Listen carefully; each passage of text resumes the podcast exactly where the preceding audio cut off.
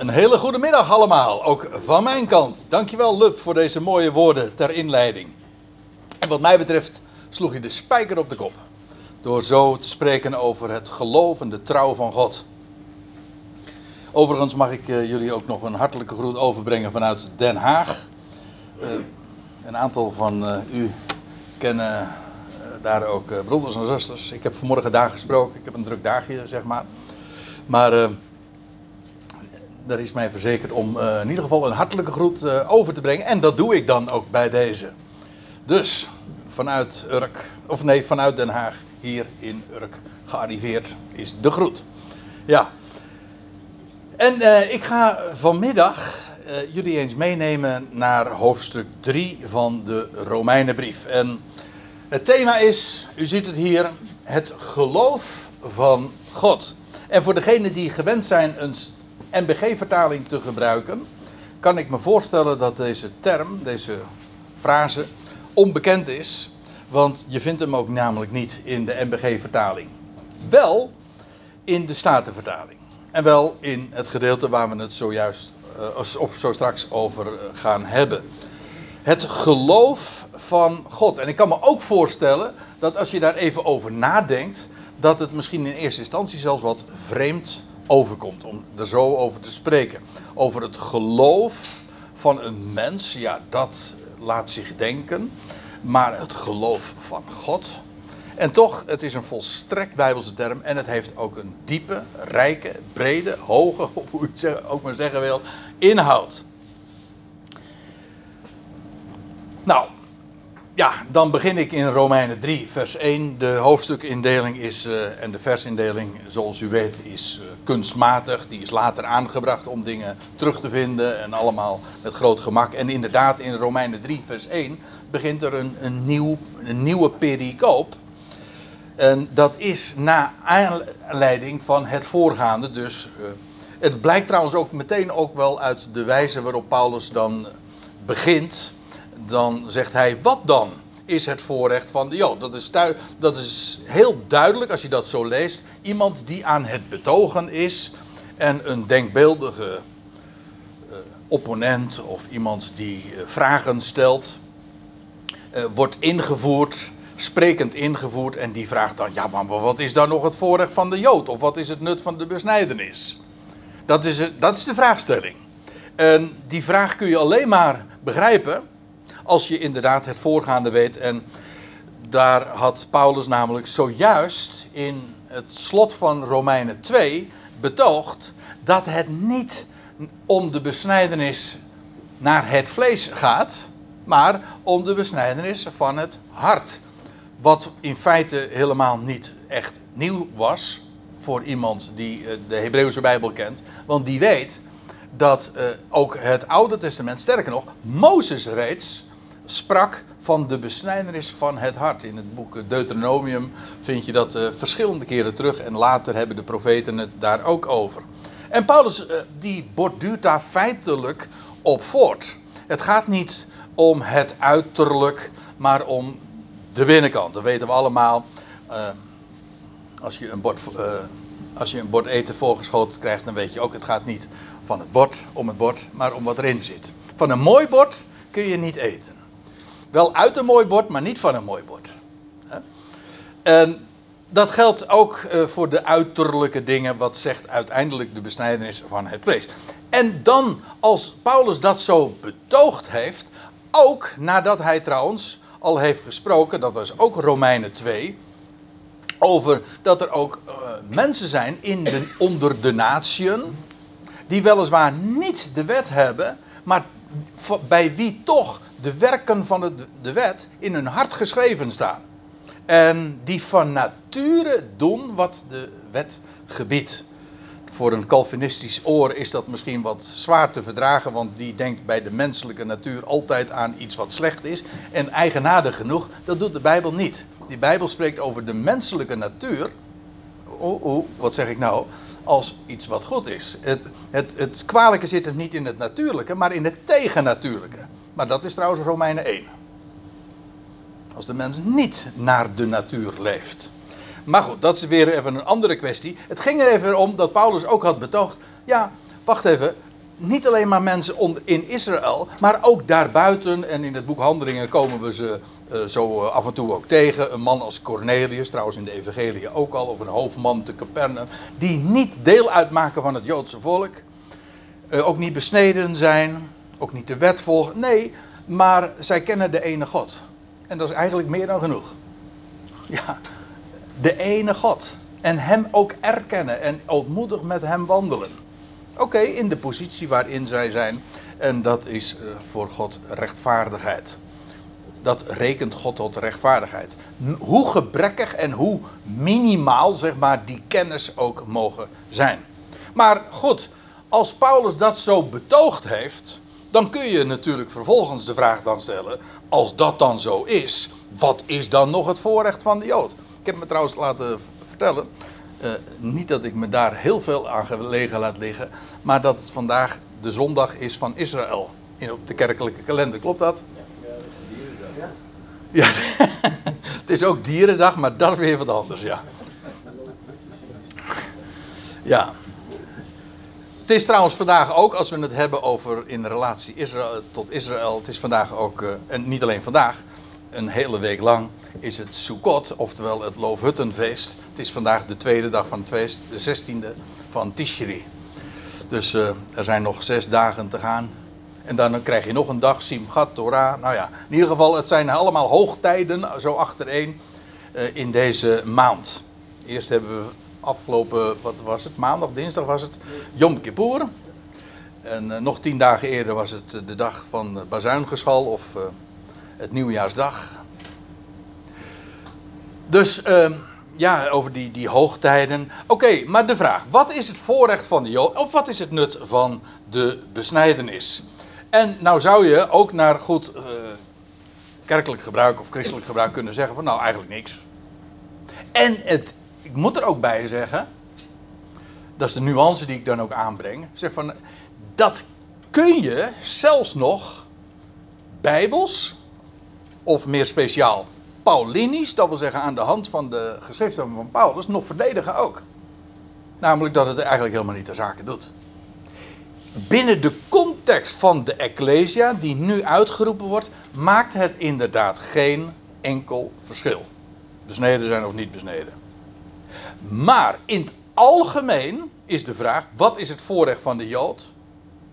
En heeft het, heeft het überhaupt, uh, heeft een Jood voorrecht? En wat is het nut van de besnijdenis? Wat denkt u dat Paulus gaat zeggen? Ja, u hebt een bijbeltje, voor u, dus u weet het al. Maar uh, het, het zou je ook niet mogen verbazen, want Paulus zegt dan: veel. In elk opzicht. Dat in elk opzicht, denk ik, dat slaat op zowel in het verleden als ook in de tegenwoordige tijd en ook in de toekomst. En niet een beetje, maar veel in elk opzicht. En Paulus werkt dat hier niet uit. Nou, hij noemt één ding, primair. Maar eh, als je even doorbladert in de, dezezelfde brief. En dan kom je in no, Romeinen 9 uit. En, en, dat maakt deel uit van een hele cluster van hoofdstukken 9, 10, 11. Waarin Paulus diep ingaat op de rol en de betekenis van het volk van Israël. En dan geeft hij in hoofdstuk 9, vers 4 en 5 zelfs een opsomming. Wat is het voorrecht van Jood?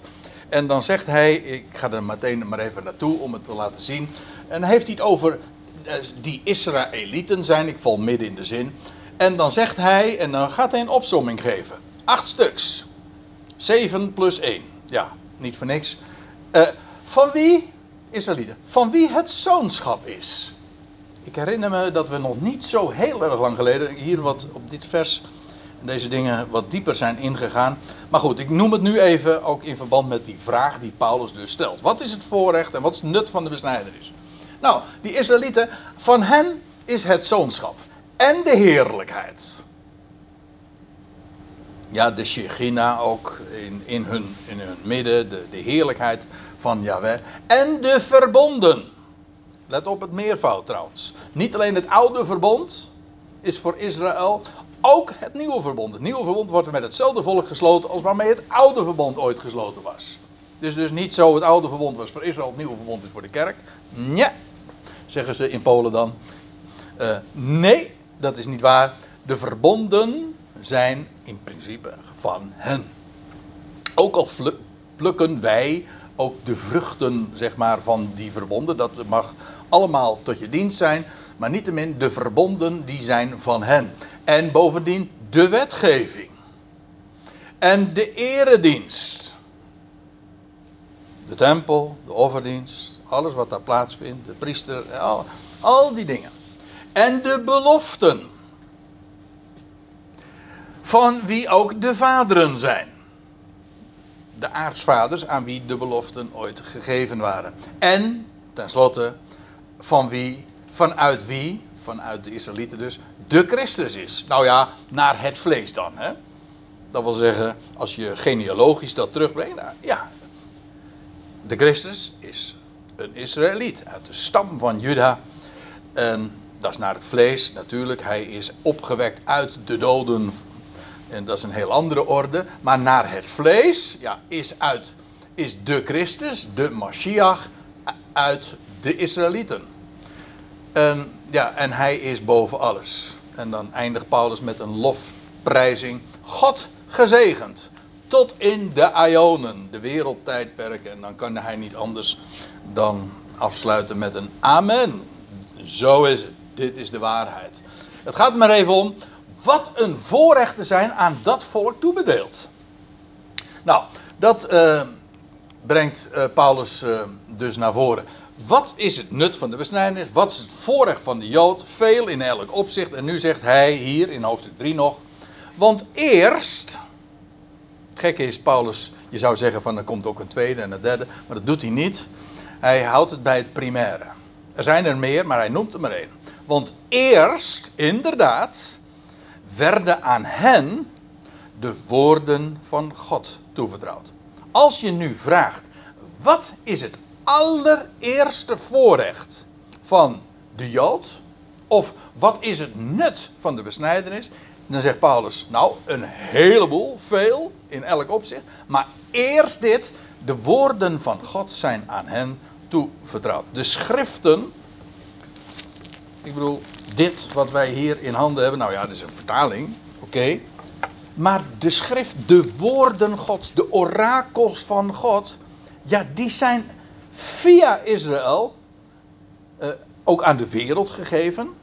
Ja, maar het komt allemaal bij hen vandaan. Het is aan, nou ja, het komt bij God vandaan, maar God heeft het aan hen eh, eh, toevertrouwd. Het beheer van de schriften, van de woorden Gods en het, op de, de, hele de boekstaving, het op stellen daarvan. Ja, dat is een Joodse aangelegenheid. Dat is in de eerste plaats het voorrecht van de Jood. De woorden van God zijn aan hen toevertrouwd. En ja, al die boeken, dat geldt ook voor de, de, de Hebreeuwse Bijbel. En zelfs wat wij dan, uh, waarvan we dan zeggen, het volkomen terecht, de, het onderwijs dat bestemd is voor de natieën. Ja, dan moet je bij Paulus wezen. Maar wat was Paulus dan? Ja, dan kun je zeggen, verdedigen, oké, dat was een Romein, hij was uit de natieën. Ja, maar hij was een Jood. Vergis je niet, dat zegt Paulus in, uh, in dezezelfde brief trouwens ook nog. Ik ben zelf een Jood, uit de stam van Benjamin. Maar de schriften zijn een Joods gebeuren. Ja, ik moet dan, als ik zo dit lees, dan moet ik vooral hier aan denken. Aan, uh, ja, dus een plaatje, of, of het inderdaad Elim is, dat betwijfel ik. Maar goed, het illustreert heel mooi het verhaal, wat ik eigenlijk even wil vertellen. Je leest van het volk nadat het uitgetrokken was uit Egypteland, onder leiding van Mozes, door de Schelfzee getrokken, kwamen ze eerst in Mara. En nou ja, er gebeurde het een en ander. Mara werd Naomi, zal ik, zal ik maar zeggen. Nee, ik zit nu de boel door elkaar te halen, maar goed, u begrijpt hem wel. In ieder geval, nadat ze uit Mara vertrokken, kwamen ze in Elim. En van Elim lees je iets heel eigenaardigs. Daar waren twaalf waterbronnen. En er waren 70 palmbomen. Waarom zitten ze daar die. Komen ze daar op in zo'n oase in de woestijn? En dan gaan ze de, de waterbronnen tellen. En dan gaan ze ook nog de, de, al die bomen die daar staan tellen. Is is dat, maakt dat voor het verhaal nou zoveel uit? ja, toch wel. Dat is nou een geweldig plaatje ook weer. Ja, van waar, waar vinden we de bronnen? Ja, de bronnen waar werkelijk levend water uit voortkomt. Nou, dan moet je bij die Jood wezen. Bij het volk van Israël, zo u wilt. Want daar vinden de, de, de, de waterbronnen. Daar komt het levende water, de orakels van God. Die zijn daar. En al die volkeren die daar van de vruchten plukken, of die daar hun voeding aan onttrekken, zoals die palmbomen hier. Alle volkeren, en inderdaad, de Bijbel telt 70 naties. Kijk het maar eens na in Genesis 10 en 11. Dan vind je de, de lijst van de zonen van Noach en, en al die volkeren die daaruit voortgekomen. 70 stuks. En de 70 volkeren, ja, die zijn allemaal gegroepeerd rondom. En onttrekken hun voedsel ook aan de twaalf waterbronnen. Namelijk aan het huis van Jacob. Daar vinden we het woord van God. En die palmbomen die kunnen daar alleen maar groeien en bloeien. Vanwege die waterbronnen. Nou, de woorden God zijn aan hen toevertrouwd. En ik vind het trouwens dan ook wel een opmerkelijk verhaal, maar dat zeg ik er eventjes uh, bij, zomaar. Uh, dat vervolgens toen het woord van God, de Hebreeuwse Bijbel, vertaald werd. Dat, ja, toen kwam het woord, het Hebreeuwse woord, ook bij de Grieken terecht. Of nou ja, het werd in het Grieks vertaald en het kwam bij de natieën terecht. En hoe heet die vertaling? De Septuagint, maar dat betekent de 70. Daar zit meer achter dan dat ik nu ga vertellen, maar ik vind het wel opmerkelijk. Dus via Israël kwam het bij, is, bij de natieën terecht. Maar het is in beheer gegeven van Israël. Dat is het allereerste voorrecht. Het feit dat we, wij hier nu zijn, ja, dat komt omdat we een, de schriften hebben gekregen. Maar ja, die komen dan toch echt bij Israël vandaan. En dat is het grootste voorrecht. En het is puur genade, dat weet ik ook wel. Het is niet zo dat Israël dat verdient, maar dat is wel het grote voorrecht dat aan hem, en trouwens ook verantwoordelijkheid wat aan hen is toegekend. Want ja, als God het woord aan je toevertrouwt, dan uh, gaat het er ook om dat dat, ja, dat je het ook door zou geven. Dat je het niet in een kast bewaart. Dat, nou ja, dus, uh, dit zou, een, zou je op kunnen vatten als een sneer naar, naar de synagogale, wat woord, praktijk, die, waarbij het woord wel opgeborgen wordt in een ark. In zo'n, nee, dat woord zou je prediken, zou je doorgeven. Het licht niet onder een korenmaat of onder een bed doen, nee, het, het licht zou schijnen. Oké, Israël. Maar goed, nou komt het andere punt. Uh, een, een vraag die in deze brief een grote rol speelt. En nou komt Paulus met dit. Want wat indien sommigen niet geloven? Dit is een. Uh, hoe noemen ze dat ook weer? Een, ik kom niet op het woord. Nou ja, een, geringschatting. Dat is een mooi woord voor. Een eufemisme, dat is het woord, ja. Dat is een eufemisme. Wat indien sommigen niet geloven? In de praktijk is het namelijk het, eh, het merendeel van het volk. Maar goed, daar gaat het niet om. Het gaat erom, wat, wat, wat nou indien, al waren het er maar sommigen, niet geloven? En ook deze vraagstelling, daar komt Paulus later eh, in die hoofdstukken waar ik het zojuist over had, in hoofdstuk 9 tot 11, uitgebreid op terug. Over het feit dat het bij Israël, ja, nou komt, is de Messias gekomen.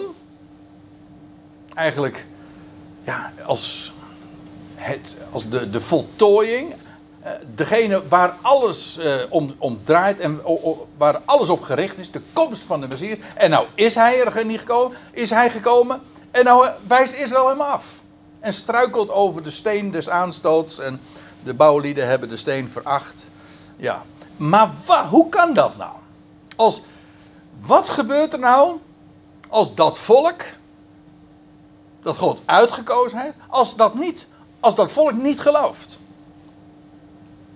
Nou ja, ik zei al, eh, in die hoofdstukken gaat Paulus er uitgebreid op in. Maar hier geeft hij al een prachtige voorzet. En daar wil ik u graag eens eh, mee naartoe nemen. En nou, hier komen we, Romeinen 3, vers 3, makkelijk te onthouden, die uitdrukking tegen van het geloof van God. Een schitterende uitspraak. Een statement. Het geloof, het, pardon, het ongeloof van hen zal toch niet het geloof van God buiten werking stellen? De MBG-vertaling zegt, het, ja, die vertaalt geloof hier dan met ontrouw. Dan zal hun ontrouw toch niet de trouw van God teniet doen. In de praktijk is dat ongeveer hetzelfde. Daar, daar heb ik geen kritiek op. Maar hier staat, volkomen correct in de Statenvertaling dan ook weergegeven. Er staat niet het woord trouw, maar dat is eigenlijk een ander woord. Maar het woord geloof. Als zij niet geloven. Ja, maar dat zal dan toch niet het geloof van God buiten werking stellen. Het idee dat het geloof van de mens zo belangrijk zou zijn. en zelfs in staat zou zijn om Gods belofte te niet te doen. Want dat is waar het eigenlijk om gaat. Want inderdaad, het geloof van God, dat is zijn trouw. En het is ook heel simpel voor te begrijpen, denk ik. Het geloof van God. Er is, het is eigenlijk nog sterker. Er is niemand die zozeer gelooft in het woord dat hij aan de Jood heeft toevertrouwd. Als God zelf. Dat wil zeggen, als er één op dat woord vertrouwt en weet dat dat waar is, dan is hij het. Ik vind het een geweldige gedachte dat er niemand is. Wij denken bij gelovigen altijd per definitie aan mensen. Ja, maar Paulus zegt, eh, die zegt ja, de, de, degene die het, die werk, die gelooft, volmaakt, die zo absoluut zeker is van de waarheid van het woord, dat is hij zelf. Ja, dat komt omdat hij, ik heb daar vanmorgen in Den Haag over gesproken, hij integer is. Hij doet wat hij zegt en hij zegt wat hij doet. Het is onmogelijk dat het geloof van God, het ongeloof, pardon, het ongeloof van de mens, het geloof van God buiten werking zou stellen. En er staat even later in, dat is trouwens ook een Romeinen 11 dan, eh, het is eh, de genadegaven, de charisma's, de genade-effecten en ook de roepingen van God zijn onberouwelijk. Daar blijft hij bij. Hij komt daar nooit van terug. Hij is werkelijk absoluut betrouwbaar.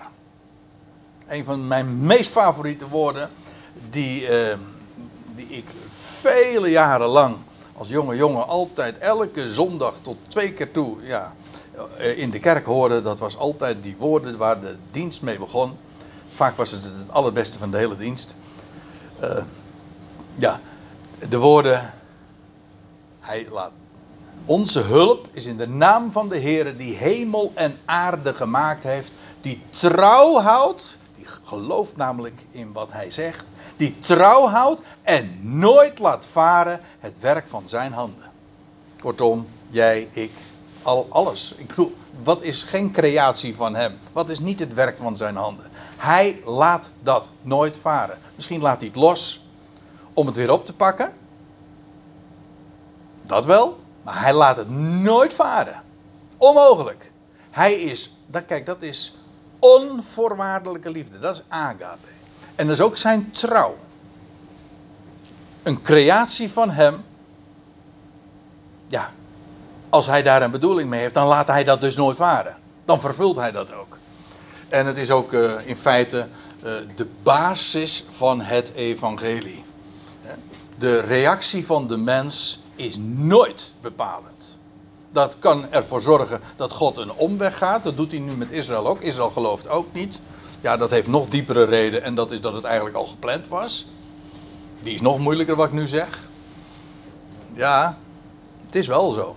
God heeft hun ogen gegeven om niet te zien. Dat is trouwens ook de Romeinenbrief. En oren om niet te horen. Dat, dat, alles past in zijn plan. Maar het is de basis van het evangelie. Ook al gaat God een omweg. Of een, U-bocht zeg maar. Dan nog, hij komt altijd daar waar hij wezen wil. Met ieder creatuur. Ja, en uh, dit is Romeinen 3, vers 3. Maar als we nou even doorlezen in vers 23 en 24, moeten ze lezen wat er dan staat. Over hoezeer de reactie van de mens uiteindelijk niet ter zake doet. Er staat, want allen zondigden. En hebben tekort van de heerlijkheid van God. Dat geldt voor jou, dat geldt voor mij, dat geldt voor iedereen, voor al die miljarden mensen. Allen zondigden. En ze hebben allemaal tekort. Of het nou veel of weinig is, ze hebben tekort van de heerlijkheid van God. En ze worden om niet gerechtvaardigd. Om niet. In de genade van Hem. Alle zondigden. Alle hebben tekort van de heerlijkheid van God. En alle worden om niet. Het scherm gaat er helemaal van trillen, zie je dat? en alle worden om niet gerechtvaardigd. In de genade van Hem. Door de verlossing die in Christus Jezus is. Dat is zo geweldig. Kijk, dat is het evangelie. Dat is de boodschap. Dat is wat God belooft. En zo waar als het een is, zo waar is het ander. Kijk, ik bedoel, of je dit nou gelooft of niet, dit is de waarheid. En het is, het is niet waar omdat ik het geloof. Nee, het is waar en daarom geloof ik het. Daarom mag ik het geloven en daarom zijn mijn ogen daarvoor geopend. Maar dat is de volgorde. Het gaat altijd uit van zijn initiatief en hij houdt ook de regie van het begin tot het einde in handen. Ja, en Paulus zegt dus: uh, het, het ongeloof van hen zal toch niet het geloof van God buiten werking stellen. En dan zegt hij volstrekt niet. Dus dat typische antwoord eh, in de Romeinenbrief vind je dat tig keren terug. Volstrekt niet. Het mogen niet zo zijn. Of uh, woorden van die strekking. Maar zegt hij, laat het, dan, laat het dit zijn. Laat het worden God waarachtig. En, en vat dat nou niet op als een persoonlijke belediging, maar het is het wel.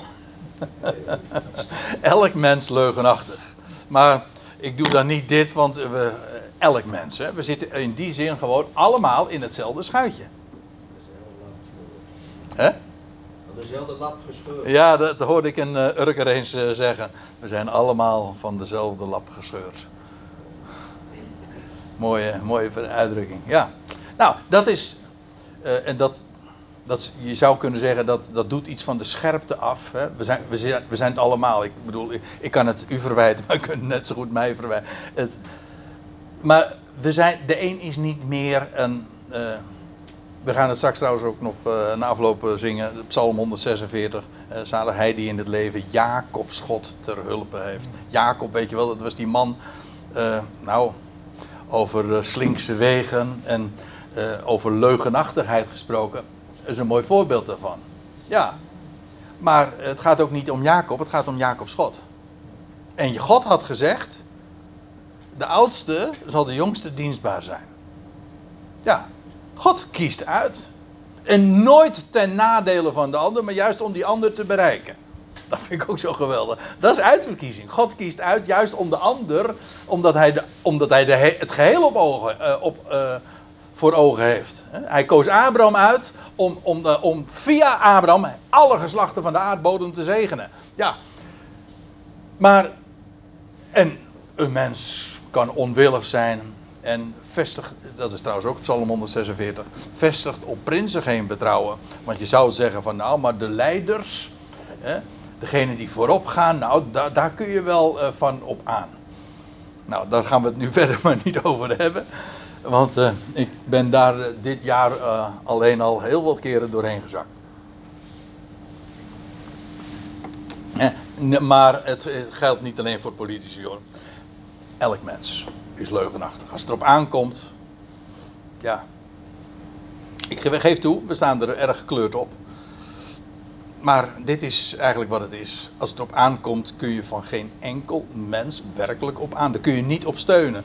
dat is een rietstaf ik ben zo blij dat er een woord is dat absoluut solide is. En ik ben ook zo blij dat degene die dat woord gegeven heeft, als geen ander daarin gelooft. En hij is waarachtig. Wat een mens ook allemaal denkt en bedenkt en verzint en liegt of bedriegt. Dit is uh, trouwens naar aanleiding van wat er staat in Psalm 116 gelijk het is geschreven, en dat is dan weer ontleend aan Psalm 51. Paulus rijgt de citaten aan elkaar. Uh, gelijk het is geschreven, dat is trouwens uh, een psalm van David, zodat ook u gerechtvaardigd zal worden in uw woorden. Gerechtvaardigd zal worden betekent rechtvaardig verklaard zal zijn. Zal, of rechtvaardig verklaard zal worden. Hè? Zijn woorden zullen recht blijken te zijn. Want als hij belooft, ja, wanneer is dat woord gerechtvaardigd? Nou, op het moment dat hij vervult wat hij belooft. Dan zeg je, hij heeft recht gedaan aan zijn woord. En op het moment dat een mens dat erkent, het, het, het geheim is natuurlijk, en dat is wat je tot een gelovige maakt, dat is dat je op voorhand al gelooft wat hij zegt, terwijl het nog vervuld moet worden. Maar er komt een moment dat niemand er onderuit kan en dat elke tong het gaat beleiden en dat elk mens hem inderdaad gaat rechtvaardigen. Het was recht wat u sprak. U hebt het gedaan. U hebt het gesproken en u hebt het vervuld. En hij zal dus gerechtvaardigd worden in, in, in zijn woorden. En u zal ook overwinnen wanneer u geoordeeld wordt.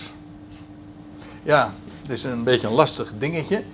Want als u nou een statenvertaling hebt, dan staat hier uh, in wanneer u, uh, wanneer u oordeelt. Hè? Wanneer u zal oordelen. Wanneer gij oordeelt, ja, dan is het actief voor opgevat. Wanneer u geoordeeld wordt, dat is passief. En wie heeft er nou gelijk? Geen van beiden.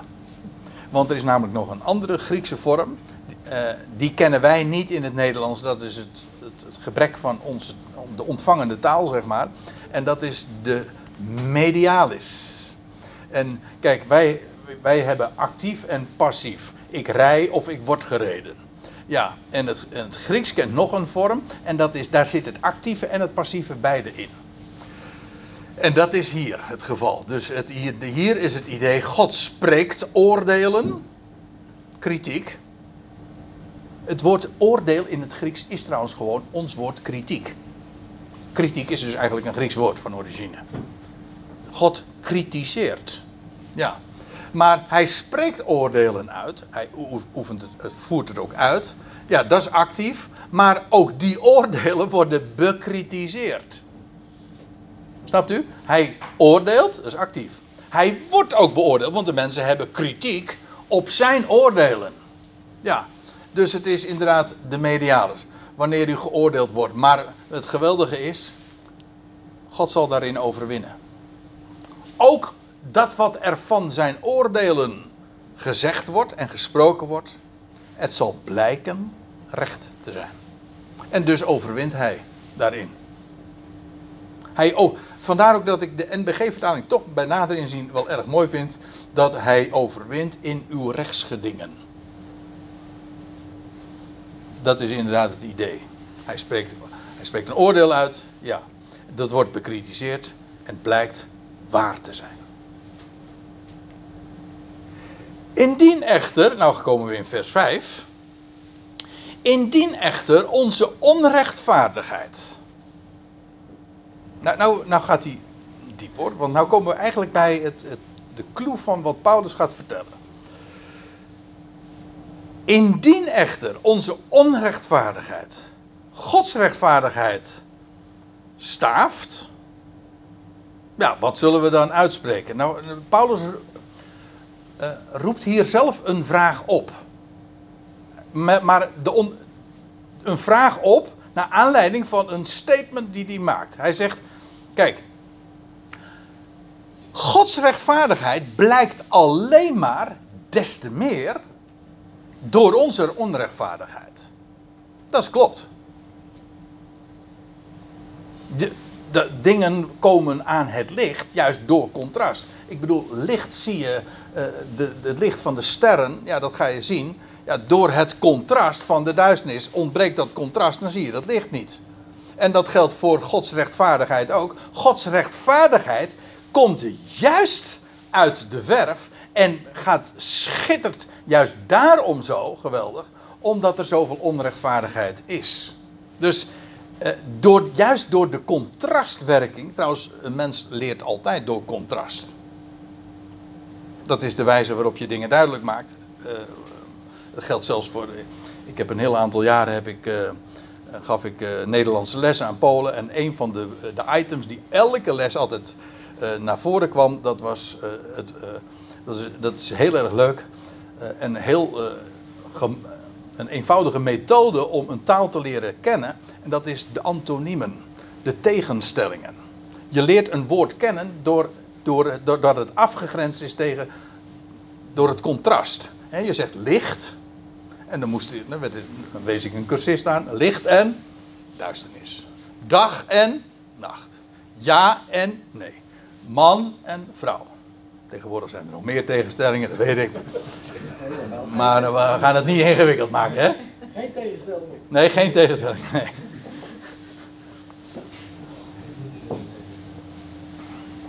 Rechtvaardigheid en onrechtvaardigheid. Hoe leer je het een kennen? Ja, juist door het contrast. Hoe leer je het goede kennen?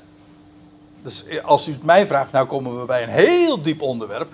Hoe leren we kennen dat God werkelijk goed is? Door, het, door kennis van het kwade. Een mens kent het goede pas echt. Want dat, is heel, eh, dat vind ik altijd een heel apart eh, ding. De eerste keer dat gesproken wordt over de kennis van God, dan is dat juist door het, door het contrast ook van het kwaad. De mens had gegeten van de verboden vrucht. En dan denken wij van ja, door het te eten van die verboden vrucht kreeg hij kennis van het kwade. Dat klopt. Maar er staat, hij kreeg kennis van goed.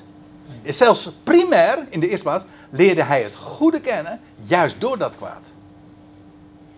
Dus toen, op dat moment, leerde hij het goede kennen. Dat bleek trouwens ook meteen wel, want ineens eh, kwam hij erachter dat God een zoekende God is. Hm? Adam, waar ben je? Hé, hey, God, God zoekt mij nog steeds op. En ja, en dat geldt voor, voor, voor de, al, alle onderwerpen, als we het hebben over de liefde van God. Ja, waar schittert dat juist, juist dan tegen anders en, en meer dan tegen de achtergrond van, van het kwaad en de haat die er is. En dat geldt voor alle begrippen. Nou ja, het gaat er even hier om. Uh, en dat is op zich een statement die zo klaar is als een klontje. Uh, onze onrechtvaardigheid staaft inderdaad Gods, gerechtigheid, uh, Gods rechtvaardigheid of gerechtigheid. Maar Paulus zegt van ja, maar wat zullen we dan uh, uitspreken? Hij roept hier eigenlijk al de criticaster even op. Hij zegt toch niet dat God die boosheid opbrengt onrechtvaardigheid, onrechtvaardig is. Hè? Hij, zegt, hij excuseert zich eigenlijk min of meer door te zeggen: ja, ik spreek naar de mens. Kijk, uh, het idee is, uh, het zou. Het idee van de criticaster die hier opgevoerd wordt is: het zou onrechtvaardig zijn van God om te tornen over de mens, als deze slechts Gods rechtvaardigheid in het licht stelt. Hij is wat moeilijk. En ik kan me voorstellen dat je zo aan het einde van de dag, als je veel nagedacht hebt, dat je, dat je moeite moet doen om deze gedachtegang te volgen. En toch, het ligt zo voor de. Je kunt, ik kan me de kritiek heel goed voorstellen. Als het inderdaad waar is dat de onrechtvaardigheid en de zonde van de mens, Gods rechtvaardigheid en uh, de kwaliteiten, als ik het zo mag zeggen, van God, des te helderder doen schijnen, dan kun je dus eigenlijk zeggen, ja, waarom, kan, waarom zou God dan nog boos zijn op de mens? Want uiteindelijk heeft hij toch alleen maar Gods rechtvaardigheid des te helderder doen schijnen. Hij zegt, zouden we dan zeggen dat God die boosheid opbrengt onrechtvaardig is? Dan kan God niet meer boos zijn op een mens. En nogmaals, Paulus zegt, sorry, ik spreek naar de mens. Maar hij, hij, hij, hij roept daarmee ook sympathie op. Probeer, hij zegt, volg me even. Naar de mens gesproken. Maar dan geeft hij ook meteen het antwoord. Is, is het als God dus toornt over de mens, of zijn oordelen, of de mens oordeelt, of straffen uitoefent? Nou ja, er zijn allerlei bijbelse voorbeelden. Trouwens, later in de Romeinenbrief krijgen we het beroemde voorbeeld van de farao, die onwillig was om het volk van Israël te laten gaan. Ja, maar dat was, dat, dat was al vooraf tegen Mozes gezegd van hij zal je niet laten gaan. En op het moment dat hij zwicht onder de druk, dan ga ik zijn hart verharden. Dus het, linksom of rechtsom, eh, eh, Farao moest nee zeggen. Ja, en, toen had, en heeft God er ook nog eens bij gezegd, dat is zo. Farao, God had een, een onwillige farao nodig. Juist om zijn farao, de machtigste man van, van, zeg maar, van de wereld. Hij had een onwillige farao nodig. Om juist zijn kracht te laten blijken. Stel je voor dat farao meteen gezegd: Nou, ga, maar. Ja, ja, dan had nooit uh, gebleken hoe krachtig uh, de, dat wat, uh, wat God spreekt en, en ook voorzegt, hoe krachtig dat alles is. God heeft dat bewezen, en er staat ook van juist om, om, om mijn, mijn luister de, bekend te maken aan de wereld. En daar had hij een onwillige vader over nodig. En dan zou je kunnen verdedigen. Ja, maar wat, trouwens, Paulus zegt dat in Romeinen 9 ook weer. Ja, maar wat heeft hij daar nog aan te merken? Als Farao uiteindelijk gewoon gedaan heeft wat hij bedoelde te zeggen. En dan zegt, Farao, uh, zegt Paulus weer: Zo is het niet. Inderdaad, nooit heeft iemand Gods bedoelingen weerstaan. Zo zegt hij het ook in Romeinen 9. Ook Farao niet. Farao weerstond niet Gods bedoeling. Dat kan niet. Dat kan geen mens. Hij weerstond Gods wil. En Gods wil was: laat mijn volk gaan. En dat God daar een, zoals wij dan zeggen, geheime agenda had, een verborgen raad. Ja, maar Gods wil werd weerstaan. En om dat te corrigeren, om dat te kritiseren, te oordelen, ja, dat heeft Farao ook ondergaan. Nou, en dat is wat Paulus hier eigenlijk hier ook al zegt. Uh, is dat onrechtvaardig als God dan inderdaad zijn toorn laat blijken en oordeelt? Nee, volstrekt niet. Hoe anders zou God de wereld oordelen? Gods oordelen moeten geschieden, namelijk om recht te zetten. Ook dat maakt deel uit van het proces. Hij is de boetseerder. Hij heeft niet alleen het recht om inderdaad een stuk klei weer uh, in te drukken en daar iets anders van te maken. Dat is niet alleen dat hij het recht heeft, maar dat hoort ook juist helemaal bij dat waar hij mee bezig is. Ja, hoe anders zou hij dat doen? Nou, maar dan komt nog een andere Paulus borduurt erop voort. Maar indien de waarheid van God overvloedig blijkt. Uh, die heb ik niet goed weergegeven. Uh, overvlo overvloedig blijkt, ja, dat woordje is moet weg. Uh, in mijn gelieg, in mijn leugen, tot zijn heerlijkheid. Hoort u goed wat Paulus zegt? Of begrijpt u wat hij schrijft? Kijk, uh, dit is gewoon waar. De waarheid van God blijkt altijd overvloediger. Zelfs, nee, juist in leugen. En dat blijkt dan ook nog eens tot zijn heerlijkheid te zijn. En dat uh, is volstrekt bijbelse taal. En uh, ja, ik, ik, heb hier uh, een verwijzing naar Spreuken 16. Dat God alles schiep voor zijn doel. Alles. En dan zegt, en dan zegt de spreukendichter Salomo. Die, zegt er die gooit er nog een schorpje bovenop. Hij zegt, zelfs de goddeloze voor de dag van het kwaad. Alles. Er is niets wat geen doel heeft. Als het, geen, als het niet, geen doel zou hebben, dan zou het niet gebeuren. God, hoe, hoe komt het dat dingen plaatsvinden? Dat komt omdat God het een plaats geeft. Hij is de plaatser. Hij is God. Hij is de schepper. Er gaat nooit iets mis bij hem. Ja, maar ontzegt hem dat het recht. En sterker nog, uh, miskent dat de waarheid van het feit dat hij oordeelt? Nee, helemaal niet. Ook het oordeel heeft, maakt deel uit van zijn plannen. Dat is de waarheid. Uh, ja, dat is wat Paulus hier ook zegt. Indien de waarheid van God overvloedig blijkt in mijn gelieg tot zijn heerlijkheid, en dit is absoluut dus waar, maar oké, okay, nou komt de vraag, waarom word ik dan nog als zondaar geoordeeld? En ik, ik herken dit zo. wat Paulus nu betoogt, ik herken het zo, want als je het onderwijs van Paulus kent, dan begrijp je ook meteen waarom dit soort verwijten op hem afkwamen. Op het moment dat je gaat vertellen, alles wat er gebeurt, heeft een betekenis.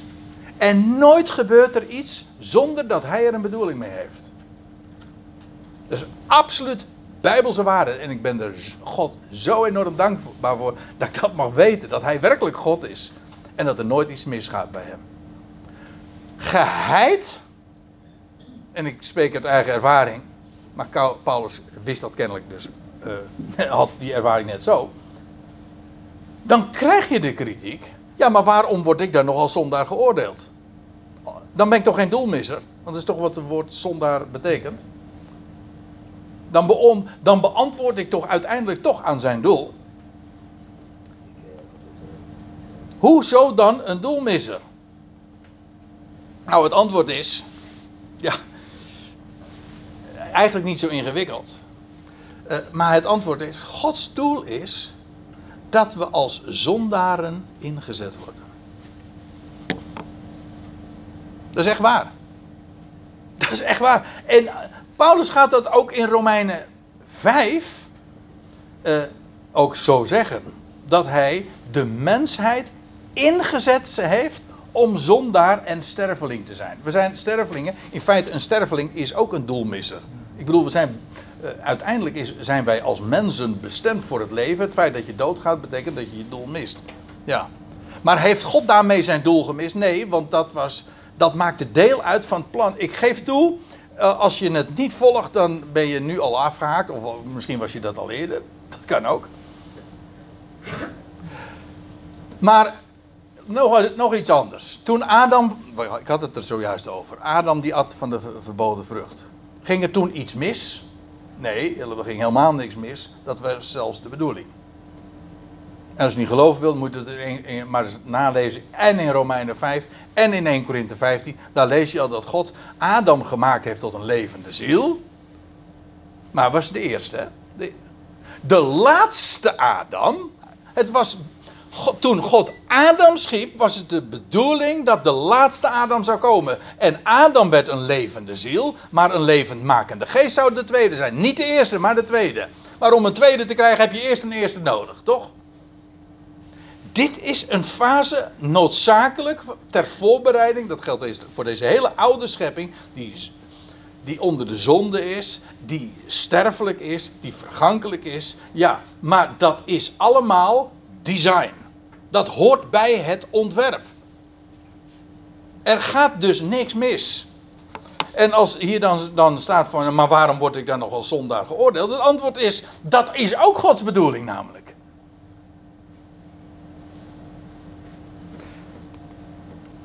En nou zegt Paulus, en dat is het laatste vers wat ik nu voorlees. Maar eigenlijk ook de, het, het, het hoogtepunt of het eindpunt van, van dit deel van zijn betoog. Het is toch niet zoals wij worden gelasterd en zoals sommigen beweren dat wij zeggen. Nu kijk je Paulus echt even achter zijn vestje. Hij zegt: Wat is altijd de laster die op mij afkomt? En wat wordt er altijd gezegd dat wij beweren?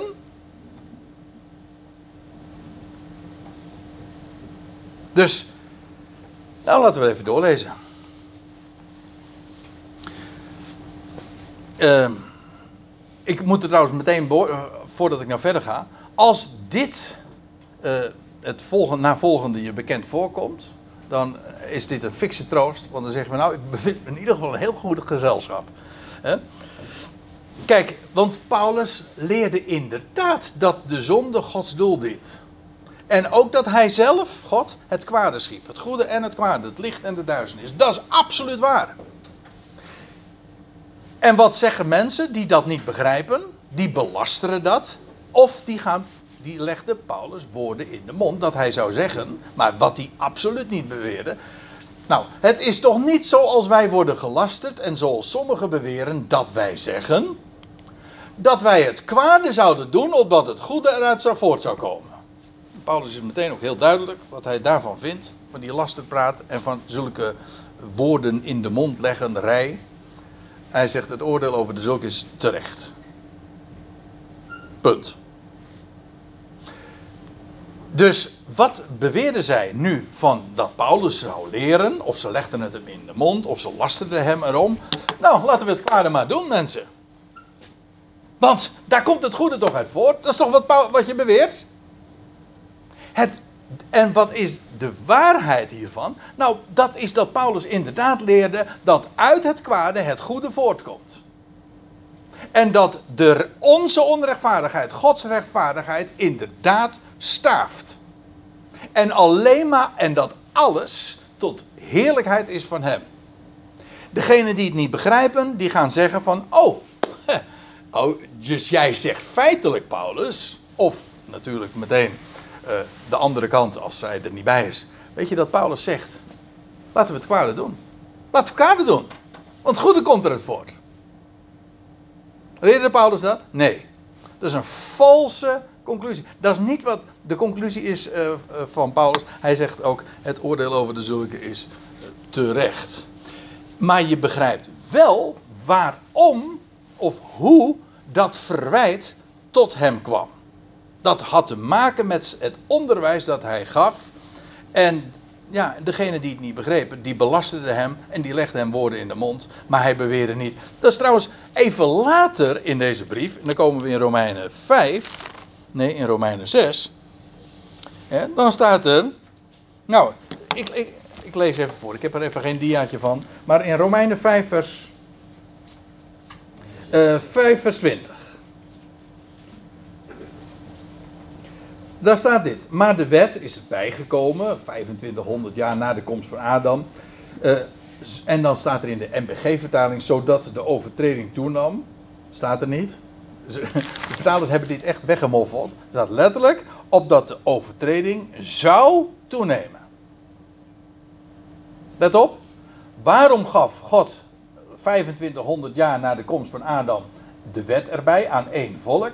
Was dat opdat de zonde zou worden ingedampt? Nee, zegt Paulus, dat was opdat de zonde zou toenemen. Dat was de bedoeling. Dat was niet een, een um, onbedoeld bijeffect. Nee, dat was Gods bedoeling. Nou, dat is nogal wat, hè? Maar goed. Waar evenwel de zonde toenam, is de genade meer dan overvloedig geworden. Opdat zoals de zonde als koning heerste in de dood, zo ook de genade zou heersen door rechtvaardigheid en Ionische leven door Jezus Christus onze Heer. Aha, dus waar de zonde toeneemt, dan wordt de genade alleen maar overvloediger. Nou, wat zou nou de conclusie zijn? Wat, is het? Kijk, de, als je dit werkelijk verstaat, zeggen: wat een geweldige God. Wiens genade altijd triomfeert boven elke zonde. Wat een groot God die ik mag dienen. Dat is als het kwartje werkelijk is gevallen. Als je het niet begrijpt, weet je wat je dan zegt? Wat zullen we dan zeggen? Zouden we de zon, bij de zonde blijven, opdat de genade toenemen? Ja, kijk, dat is nou typisch de conclusie van iemand die het niet heeft begrepen. En in feite is dat dezelfde taal als die hier al klinkt. Maar je begrijpt ook wel hoe deze hoe dit soort tegenwerpingen, dit soort kritiek, kon ontstaan en hoe dat inderdaad uh, bij Paulus terecht kwam. En het is altijd, en dat is eigenlijk wat ik vanmiddag ook graag ja, met, met jullie wil delen, ik bespreek deze acht versen. Als dit je bekend voorkomt, ja, dan moet dat ook een fikse troost zijn. Als je eh, vertelt over het evangelie en dat de genade altijd triomfeert over de zonde en dat God ook met het kwaad een geweldige bedoeling heeft als mensen daardoor jou laten zeggen van nou laten we de zonde doen en eh, opdat de genade toenemen, dan zeg ik van nou uh, je bevindt je in goed gezelschap, want zo gaat het altijd. Dat is de kritiek die mensen je eh, die je op je afkrijgt. Wees daar ook uh, ja, op bedacht, op voorhand. Weet dat dat verteld wordt. Net zo goed als dat als je vertelt over Gods genade, krijg je altijd te horen. Dat is een ander onderwerp maar het is hetzelfde, eh, van hetzelfde ja, laken en pak. Je krijgt altijd te horen, dat zal maar makkelijk wezen. Altijd. Als je vertelt, hij maakt alle dingen wel voor jou. En deze grote God heeft jou lief, wat jij ook doet. Als je niet begrijpt, oh, wat ik ook doe. Dus ik ben gewoon zondigen. Ja, dat. En de, en de, nou, de grap, sorry voor, het, uh, verkeerde, voor de verkeerde woordkeuze. Het is nog waar ook. Wat je ook doet. Zijn genade triomfeert altijd. Als je het verstaat, val je op je knieën. Voor die grote God. Als je niets begrijpt, trek je zo'n conclusie. Ja.